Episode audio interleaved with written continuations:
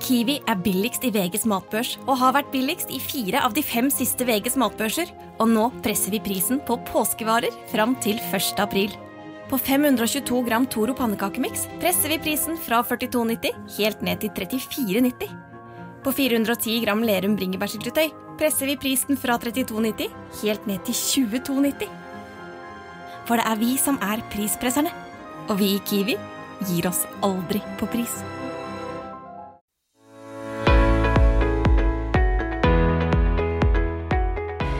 Velkommen til en ny episode av podkasten Forberedt jusprat med Sans.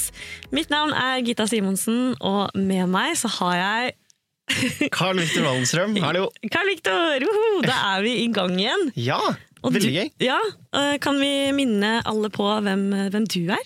Jo, det kan vi gjøre. Jeg er da eh, jusstudent på Universitetet i Bergen. Går nå tredjeåret. eh, Og skal, eller er eh, midt oppi det faget vi skal snakke om i dag, kontraktsrett 2.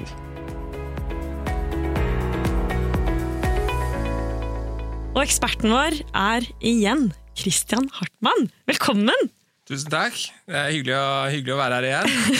Vi er veldig glad for at eh, du, akkurat du er med oss, for eh, din uh, forrige episode har jo gått ekstremt bra. Ja, Det var hyggelig å, hyggelig å høre det. Satser på at vi gjorde noe riktig da, og gjenta suksessen. Hvem er du, Christian?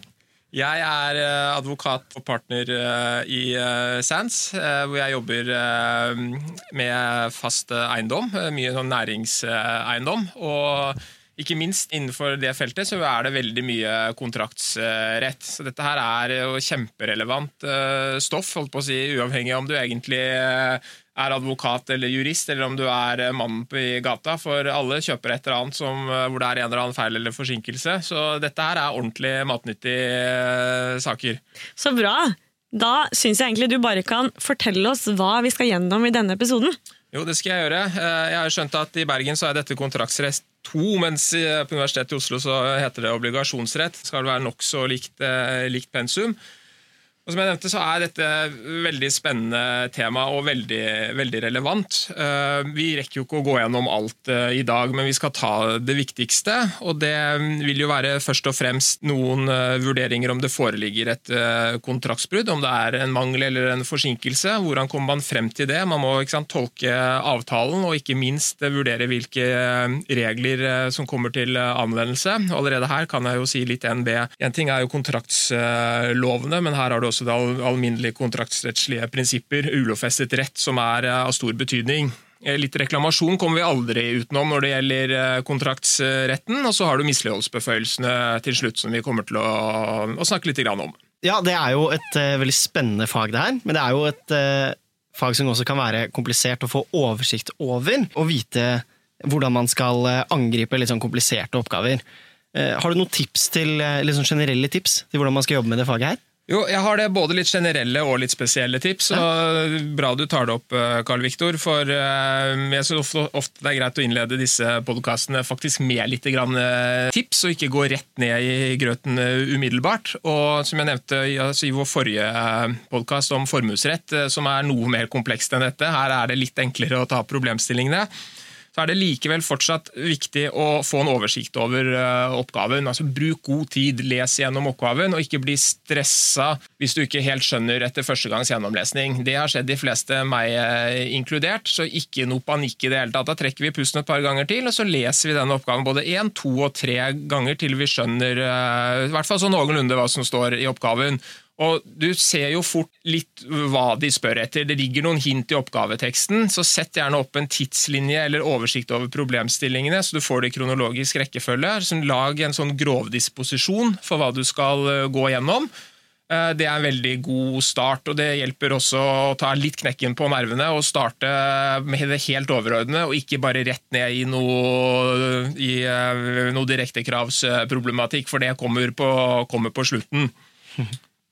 Eh, og så tenker jeg også innenfor eh, obligasjonsretten å være liksom veldig oppmerksom på hvilken kontraktslovgivning eh, det er snakk om, som ikke bommer om det er eh, forbrukerkjøpslov eller kjøpslov, avhendingslov. Vær, litt bevisst på det. Og ikke minst, som jeg har sett når jeg har lest gjennom et par av disse eksamensoppgavene som forberedelse, det kommer problemstillinger hvor det er, eh, nødvendigvis ikke er noen lover som treffer, og da er vi inne på den ulovfestede retten. Så det må man ha i, bakhodet, i, i bakhodet og være litt bevisst, eh, bevisst, på det.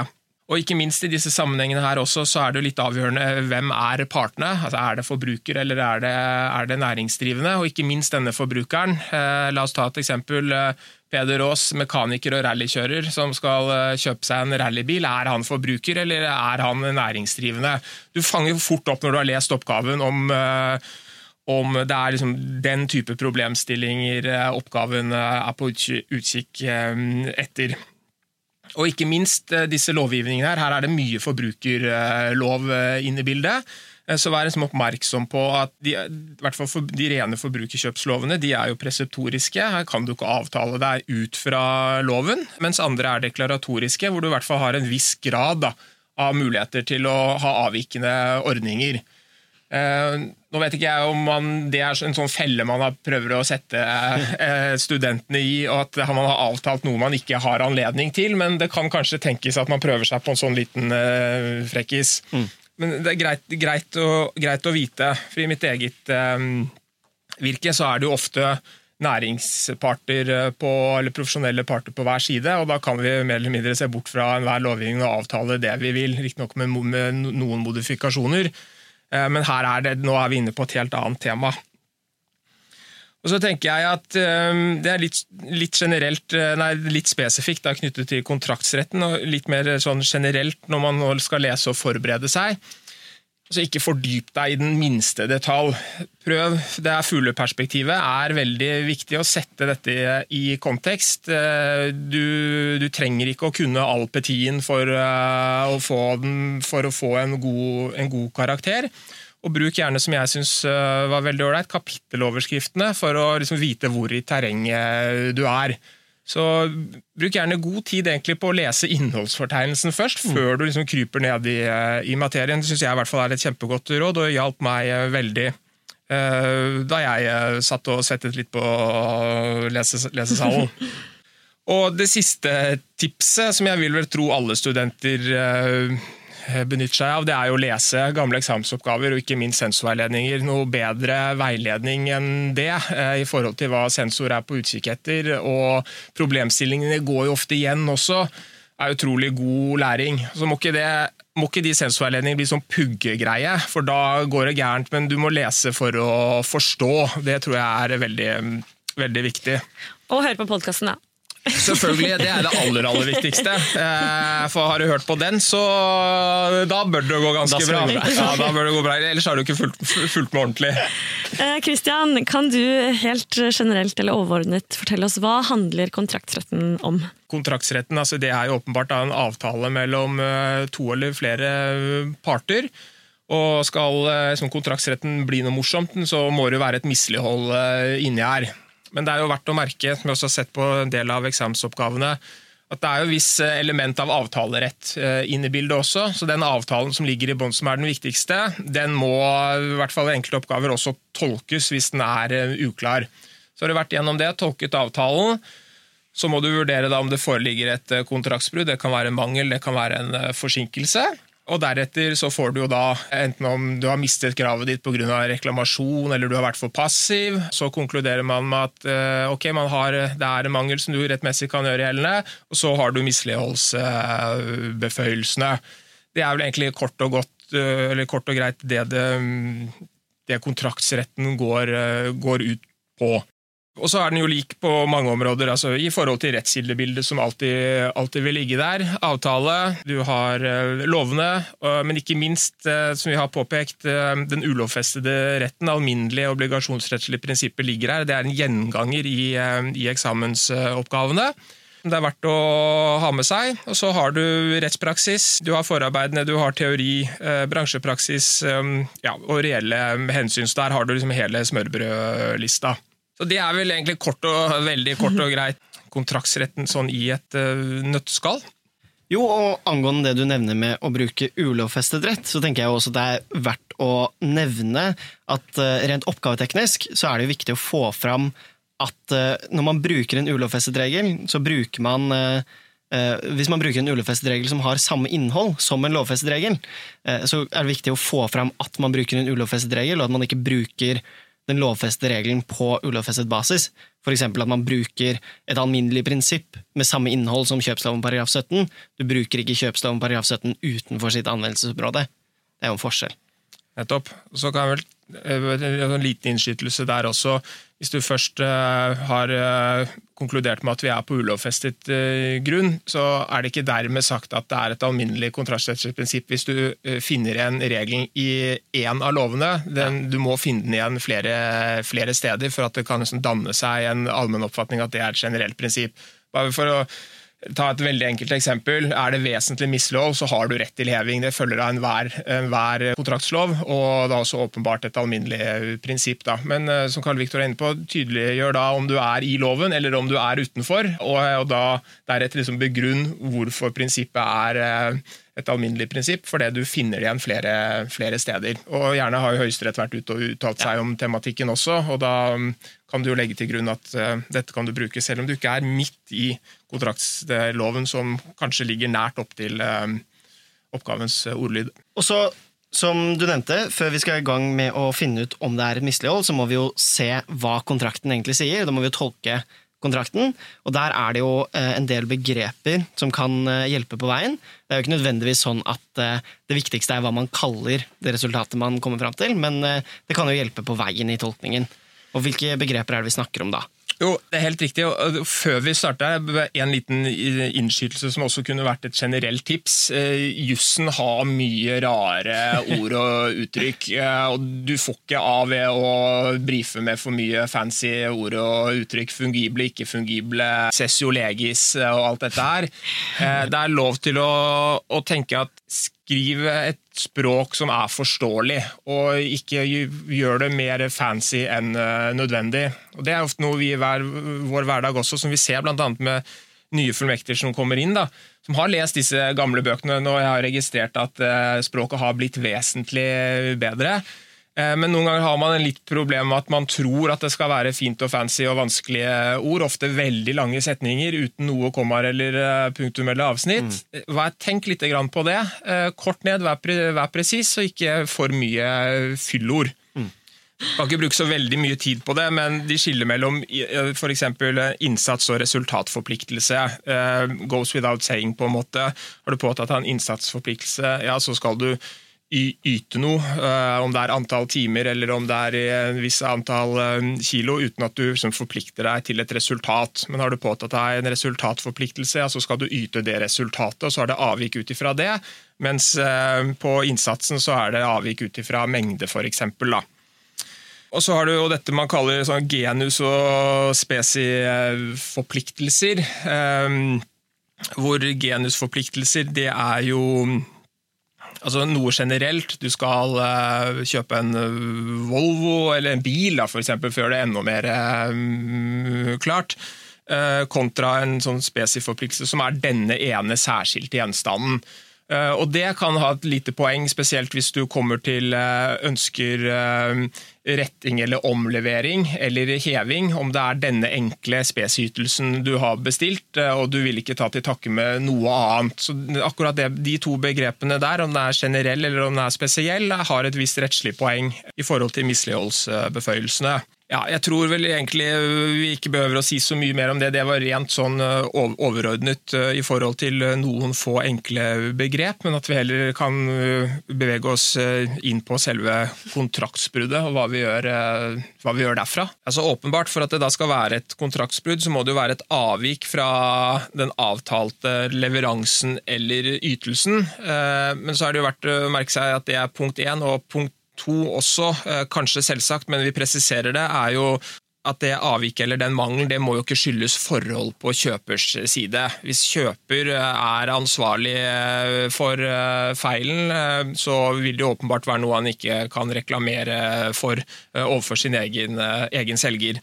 Så Det er også greit bare å ha med seg i en, i en besvarelse. Også der vil jeg tenke at man der vil man også kunne se hint i oppgaven, hvis det er et tema man eh, ønsker at studenten skal um, vurdere nærmere. Da. Ja, Som du nevnte, Christian, for at det skal bli moro, så må vi jo ha et eh, kontraktsbrudd. Eh, Det må være et mislighold. Eh, Og hva er et kontraktsbrudd, egentlig?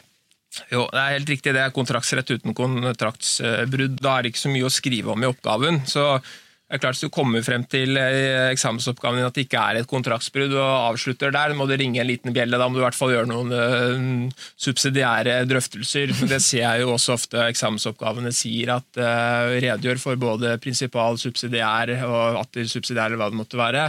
Du får med deg alle drøftelsene. Um, og det er klart at Kontraktsbrudd det er to forhold. Det kan være en uh, mangel. Du leverer ikke den uh, ytelsen uh, du faktisk har forpliktet deg til å yte, eller du er for sent ute, en forsinkelse, rett og slett. Eh, Og det er jo ofte så er det jo mangelsbegrepet man kommer eh, ja, ser, eh, ser oftest. Og det er klart, det du da må, må via, er jo å vurdere da, om denne ytelsen er i forhold til eh, avtalen, først og fremst. Eh, og deretter, Det er ikke dem sagt den avtalen sier nøyaktig hvordan varen, hvilken kvalitet, omfang dette skal være, så da må du eventuelt inn i kontraktslovgivningen, da, avhengig av hvilket område vi er på. Er det bolig, eller er det en ting du har kjøpt? Kjøpslov, avhendingslov. Um, og Der er jo f.eks. Um, kjøpslovens paragraf 17 veldig sånn fint eksempel på det, hvor det står i første ledd uh, at det er en mangel uh, hvis det ikke er av den uh, kvalitet, uh, art osv. som følger av avtalen. Og hvor det da annet ledd sier at dersom ikke annet er avtalt, så skal uh, avtalen kunne brukes etter sitt formål, f.eks. For eksempel. så jeg har en veldig sånn fin oppskrift da, på hvordan en sånn mangelsvurdering kan gjøres. Hvis man er på kjøpslovens område, men den gjelder jo altså, det gjelder ikke kjøpsloven generelt, men akkurat den vurderingen er ganske, ganske, ganske generell. da. Det er jo nok et eksempel på at det er avtalen som sitter i førersetet, først og fremst der. i dette faget. Ja det er, det er abs absolutt det. Du må via avtalen først, og kanskje litt avtaletolkning, og så kommer vi inn på kontrakts, eh, Men så vidt jeg har skjønt det, så legger jo ikke disse eksamensoppgavene ut, ø, opp til en veldig bred avtaletolkningsbit, for det var ø, det pensumet man har vært igjennom. men noe kan det, kan det ligge der, da. Og så er det jo også verdt å merke seg i forhold til mangler. Én ting er jo at ytelsen fysisk sett ikke er sånn som man har avtalt, men du har jo også det forholdet at en selger har jo en eh, opplysningsplikt eh, som går både på manglende og uriktige opplysninger. og Det i seg selv vil jo også kunne utgjøre en mangel. Og Det er det jeg var inne på tidligere også, når du har lest oppgaven gjerne en eller to ganger, fanger du fort opp eh, om eh, teksten vil eh, få deg litt inn i de baner, hvis eh, selgeren her har gitt mangelfulle eller uriktige opplysninger. Og merk, Der er det også litt forskjell. Man har jo stort sett et objektivt ansvar for uriktige opplysninger, mens manglende opplysninger må det ligge for, for skyld på, på selger hos før han kan bli holdt ansvarlig, ansvarlig for dem. Ja, så kan det vel være greit også, på her vi er nå, å bare si litt om antisipert mislighold. Antisipert er jo også litt sånn fancy, eh, fancy ord, da, men i realiteten så betyr jo det at før du har mottatt den ytelsen eller tjenesten du har bestilt, så dukker det opp omstendigheter hvor du skjønner eh, at den ytelsen kommer du aldri til å få. Det er mange av disse eh, kjøpslovene vi eh, har, eller forbrukerlovgivningen og for den saks skyld, som har bestemmelser om antisipert mislighold.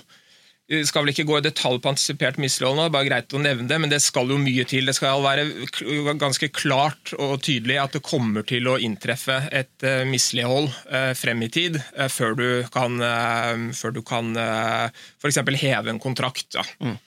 på, grunn av, på grunn av det.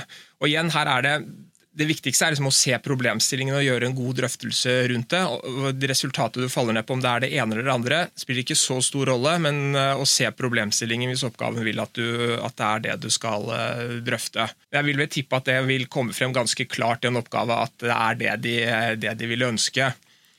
Jeg mener å huske der, eh, Victor, hadde ikke, Da vi forberedte oss litt, hadde ikke du et eh, godt eksempel eh, på et sånt antisipert mislighold? Jo, altså jeg har jo prøvd å lage et lite eksempel. Altså, jeg diktet opp en liten historie. Fått prøve meg på den rollen som oppgaveskriver. Er det Kirkerud igjen? Det er Marte Kirkerud som har vært på ferde.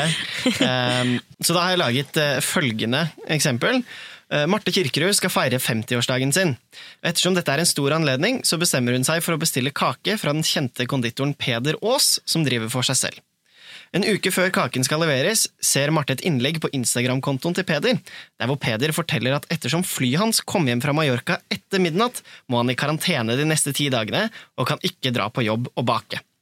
Det er jo følgelig klart at Peder ikke kommer til å kunne oppfylle henhold til avtalen, og derfor kan Marte heve kontrakten og kjøpe kake av noen andre. Det er jo veldig praktisk for Marte her, at hun, eh, ettersom hun vet at Peder ikke kommer til å kunne eh, bake kake til bursdagen hennes, så kan hun få noen andre til å gjøre det, da, sånn at hun eh, allikevel har kake i bursdagen sin. Det er kjøpsloven paragraf 62, jf. forbrukskjøpsloven paragraf 55, som gir grunnlag for hevingsrett i dette tilfellet. Ja, jeg er enig i det at det der er et relativt klart eksempel. I hvert fall hvis eh, denne Peder Aas driver dette konditoriet alene og har ingen andre å kunne hjelpe seg eh, med til å bake denne kaken. Ja, Det har jo vært litt om eh, selve mangelsbegrepet, forsinkelsesbegrepet. Avtalen eh, er det viktigste. Eh, der starter vi. Og så kontraktslovgivning, alminnelig prinsipp. Eh, så er det ikke, selv om du da har eh, falt ned på at her er det en uh, mangel, klar eller ikke, eller en forsinkelse, uh, det er ikke dermed sagt du bare kan fremme dette kravet ditt. Og nå vi, beveger vi oss inn i reklamasjonsbiten. Og Det er et veldig viktig og ikke minst praktisk situasjon. Eh, for hvis du sitter for rolig i båten uten å gi beskjed til din eh, avtalepart at du mener at det er en eh, forsinkelse eller om det er en mangel, så risikerer du å miste kravet ditt. Bakgrunnen for denne regelen er jo at det skal være en lojalitet i kontraktsforhold. Du skal liksom si fra når det er noe gærent innen, innen rimelig tid. Og dette er jo eh, At du skal eh, reklamere innen rimelig tid, det er et alminnelig kontrakts, kontraktsrettslig eh, prinsipp. Det ligger i så å si alle lover, men med en litt forskjellig variant. Og Der har du jo to varianter. Du har det vi kaller den nøytrale reklamasjonen. Oppbart du vet det er noe gærent, men du vet f.eks. ikke om det kan være naturlig å kreve prisavslag, kanskje det skal være erstatning, kanskje heving, om den er alvorlig nok. Så da sender du en nøytral reklamasjon, sier at det er en mangel med varen. Eh, kommer tilbake til eh, dette senere når jeg vet eh, litt mer, f.eks. hva utbedringskostnaden er. Og Så må den selvfølgelig da følges opp etter hvert som du får mer klarhet i hva, i hva mangelen er.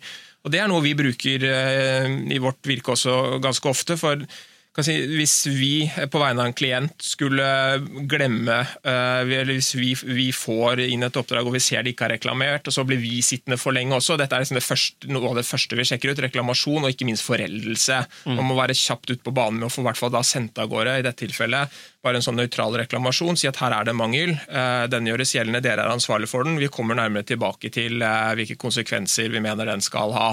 Kjempeviktig. Og Det skal jo da gjøres innen rimelig tid eh, etter at du oppdaget eh, feilen. Og så har du jo det man kaller den absolutte reklamasjonsfristen. og Det betyr jo at f.eks. avhendingsloven, som jeg holder eh, på med en god del, der er det jo at fem år etter overtagelse, ja da har du ikke anledning til å reklamere. Selv om du reklamerer innen tid, så har du overtatt dette huset etter fem og et halvt år, og så dukker det opp noe og reklamerer dagen etter, ja da er du for sent ute. For på et eller annet tidspunkt så må også selger kunne være fri for, eh, fri for ansvar. Med mindre han har vært grov uaktsom eller forsettlig, for da gjelder ikke disse vi kaller det capper, da, men sånne reklamas eh, absolutte reklamasjonsfrister. Mm. Men for eksempel Forbrukerkjøpsloven er jo der spesiell, for den har jo angitt at en forbruker skal ha minimum to måneders reklamasjonsfrist, så han ikke skal komme i noen felle. Eh, og så har jo Høyesterett, og nå husker jeg ikke helt om det var på, eh, på, et næringstilfelle, om det var generelt, hvor de har skrevet at beveger du deg over tre måneder eh, og ikke har sagt ifra, ja da begynner det ordentlig å, å spøke i forhold til om du kan fremme det kravet mm. mot din, din, kontraktspart. Da. Hva hvis det ikke er naturlig å finne ut av problemet da, før det har gått to måneder? Ja, Da tenker jeg man er i en situasjon at hvis det ikke har vært naturlig, ja, da har du kanskje ikke hatt noe grunn til å oppdage det heller. Da. For ja. det er jo når du som kjøper faktisk oppdager at eh, Eller burde oppdaget uh, det. Det er jo da klokka begynner å, begynner å tikke, da. Men det er klart, kjøper du en bruktbil og det elektriske vinduet ikke virker, så ja, da, da, da, da sier du jo fra, da. Ja, ja. Ellers så, eller så det, må du ta risikoen, risikoen, for det. Og Reklamasjonsdrøftelser er jo også en sånn helhetsvurdering hvor du kan trekke, for, trekke inn en eh, rekke forhold. Da kan hende Marte Kirkerud hadde vært eh, ja, Hun oppdaget feilen, og så måtte hun dra på et eller annet hasteoppdrag på jobben, eller noe slikt, så derfor tok det litt lengre tid før hun fikk sendt reklamasjon. Det er bare se liksom, poengene, og så vurdere, vurdere dem deretter.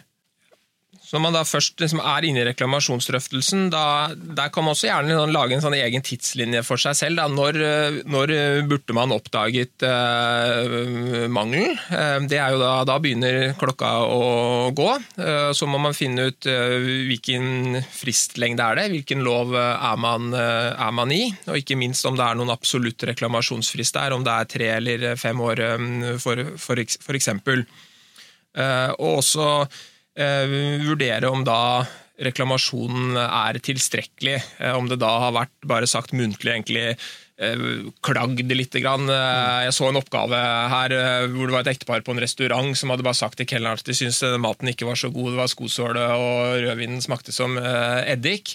Er det, er det en tydelig nok reklamasjon overfor selger, eller, eller, eller ikke, da? Og så tenker jeg en liten sånn snagg, og det er en ordentlig felle, også for oss som driver med dette uh, profesjonelt. Da. Det er jo mest for vi ser at feilen er, er, gjort, men for en selger altså Det er dette som kalles realitetsdrøftelse. Så hvis kjøper reklamerer eh, innen rimelig tid og har egentlig gjort alt han skal, og Så starter selger å diskutere og, og, og realiteten av uh, mangelen, uh, og gjerne hvis dette går over litt tid, uten å ta forbehold og si eksplisitt til uh, kjøperne at jeg kan godt se på dette, men jeg tar forbehold om å, å, anføre at det er reklamert for sent. Hvis han dropper det og bare begynner å diskutere egentlig mangelen og se hva som kan gjøres, ja, så kan faktisk selger da ha mistet muligheten til å anføre at kjøper har reklamert for sent. Mm. Og det der er, det ser vi faktisk i det virkelige liv også, hvor man egentlig selgeren prøver bare å være behjelpelig og service-minded. og klart Dette skal vi se på, men jeg er ikke sikker på om kan, det der er en mangel, for det er sånn den skal være. Og så har du det gående når man diskuterer. Og så har man holdt på for lenge, og så mister man eh, muligheten sin. Så bare ha det i bakhodet eh, hvis, man, hvis, oppgaven skulle legge opp til eh, det. Og også nært knyttet til det, som også er ganske vanlig i arbeidslivet, er at kjøper kan ha mistet muligheten sin til å reklamere ved passivitet eller konkludent atferd. Dette fanges jo egentlig litt opp av reklamasjonsreglene. Men ta ett eksempel som vi ser ganske ofte. Da, og det er Hvis vi bistår i en transaksjon, kjøp og salg av eiendom, og den eiendommen har mange leiekontrakter. Og Hvis vi er på kjøperside, så går vi gjennom alle leiekontraktene. For det er jo viktig, det er det som er kontantstrømmen, det er den du egentlig kjøper. da. Og så er det jo flere av disse leietakerne som ikke har stilt eh, husleiegarantien sin. Det står i avtalen at de skal stille det, så det er helt uomstridt. Eh, men så har det gått gjerne tre-fire år da, mm. Eh, fra leietakeren startet opp sitt eh, leieforhold, og utleier uh, har ikke sagt noen ting uh, om dette. Så kommer vi inn som ny kjøper, som vil være den nye utleieren, og sier da til selgerne at dette må du fikse opp i. Og Det er ikke nødvendigvis så lett for selgeren eller utleieren dette tilfellet å gjøre å gå tilbake til sin leietaker etter fire år og si at du, vi avtalte at du skulle stille den garantien eller depositumet da, på seks måneder, måneders husleie. Det må du gjøre nå. Ja, jeg er blitt irritert. der, du, blir, du, blir, irritert, ikke sant? Og da kan man jo Nå har jeg aldri dette, i hvert fall kjenner ikke jeg til det, men uh, da kan du risikere at uh, leietakeren nekter. og så Da vil jo typisk passivitet eller sånn konkludent atferd være veldig veldig sentralt. Og så tenkte jeg altså, En ting også knyttet til mangelsbegrepet som vi var inne på, det er jo at Eh, kjøper selv har jo også undersøkelsesplikt. De aller fleste, hvis ikke det er vel de fleste kontraktslovene, jeg tror vi bare kan legge det til grunn, så eh, har jo kjøper selv også en undersøkelsesplikt. Og unnlater han å gjennomføre, gjennom, gjennomføre mm, noen undersøkelser av gjenstanden, eh, enten om det har vært, og spesielt hvis det har vært på oppfordring da, av, av selger, Eh, eller han burde undersøkt nøyere, det er et eller annet med den gjenstanden, men han bare lar det ligge, ja, da, da vil også eh, miste muligheten til å fremme den, eh, den mangelen gjeldende på et senere, senere, tidspunkt. Og dette er det jo bestemmelser som kommer rett under egentlig eh, hvordan eh, er SIS-bestemmelsene i de respektive lovene, så vil du også ha kjøpers eh, undersøkelsesplikt. Så det er verdt også å merke, merke seg. Og Da har vi jo gått gjennom dette med kontraktsbrudd og reklamasjon. Så hvis vi da har kommet til at det foreligger et kontraktsbrudd, og det er eh, reklamert innenfor eh, alle de fristene som gjelder, så blir jo da spørsmålet hva kan man gjøre med det? Hva slags misligholdsbefølelser kan man gjøre gjeldende? Vi kan jo starte med å spørre hva slags eh, misligholdsbefølelser som finnes. Det er mange misligholdsbefølelser, og der er jo ofte disse kontraktslovgivningene ganske pedagogisk eh, oppbygget også. Eh, for der har du jo ofte én sånn sekkebestemmelse, som ved mangel så kan du gjøre den og den og den eh, sanksjonen gjeldende, og også i kombinasjon. Det er ikke sånn det ene nødvendigvis mm. utelukker, utelukker det andre. Så det å bare lese lovteksten og få strukturen på hva du, eh, hva du, kan fremme av eh, krav, er veldig viktig. Og bare For å svare på spørsmålet ditt, så er det jo det åpenbare er jo det man kaller naturaloppfyllelse. At du fastholder avtalen. Jeg, jeg skal faktisk ha den gjenstanden jeg eh, kjøpte. Den skal jeg få levert. Mm. Så I tillegg da, til å egentlig bare holde fast ved avtalen, så kan du jo eh, det man kaller nå har vi også litt på fancy begrep, da, detensjonsretten, eller på godt norsk eh, tilbakeholdsrett. Um, og Det er jo da særlig ved ved forsinkelser, for du har jo da ofte fått uh, gjenstanden, og så ser du at det er noe gærent med den, og så tenker du, og da du har ikke betalt på forhånd, så tilbakeholder du deler av uh, kjøpsummen, uh, slik at ytelsen Slik at du har en sikkerhet for at din selger faktisk utbedrer. I tillegg så har du, og det som er veldig aktuelt, som fellesbegrep som heter avhjelp, som er retting og omlevering. Igjen en konsekvens at du ønsker faktisk å få den gjenstanden du har, eh, har kjøpt eller eh, betalt for. Eh, så har du hevingen, som står sentralt ved vesentlig avtalebrudd. Og så har du erstatningen i, i tillegg. Og erstatningen kommer jo ofte Uh, I tillegg til f.eks. Uh, at du har hevet, uh, har hevet avtalen, så er det ikke tilstrekkelig kanskje bare å tilbakelevere ytelsene, men du har også lidd et tap som du krever erstatning for. Så Det er jo de er det fem misligholdsbeføyelsene, hovedmisligholdsbeføyelsene. Det er jo også reglene om prisavslag. Litt beslektet med reglene om erstatning. Selvfølgelig. Prisavslag er jo også veldig, veldig, veldig aktuelt. Og dette skal vi jo snakke mer om i eh, del to av eh, vår podkast om kontraktsrett 2. Ja, det blir, eh, det blir jo veldig spennende. Det er bare å lytte videre. Den skal være klar i spilleren din nå.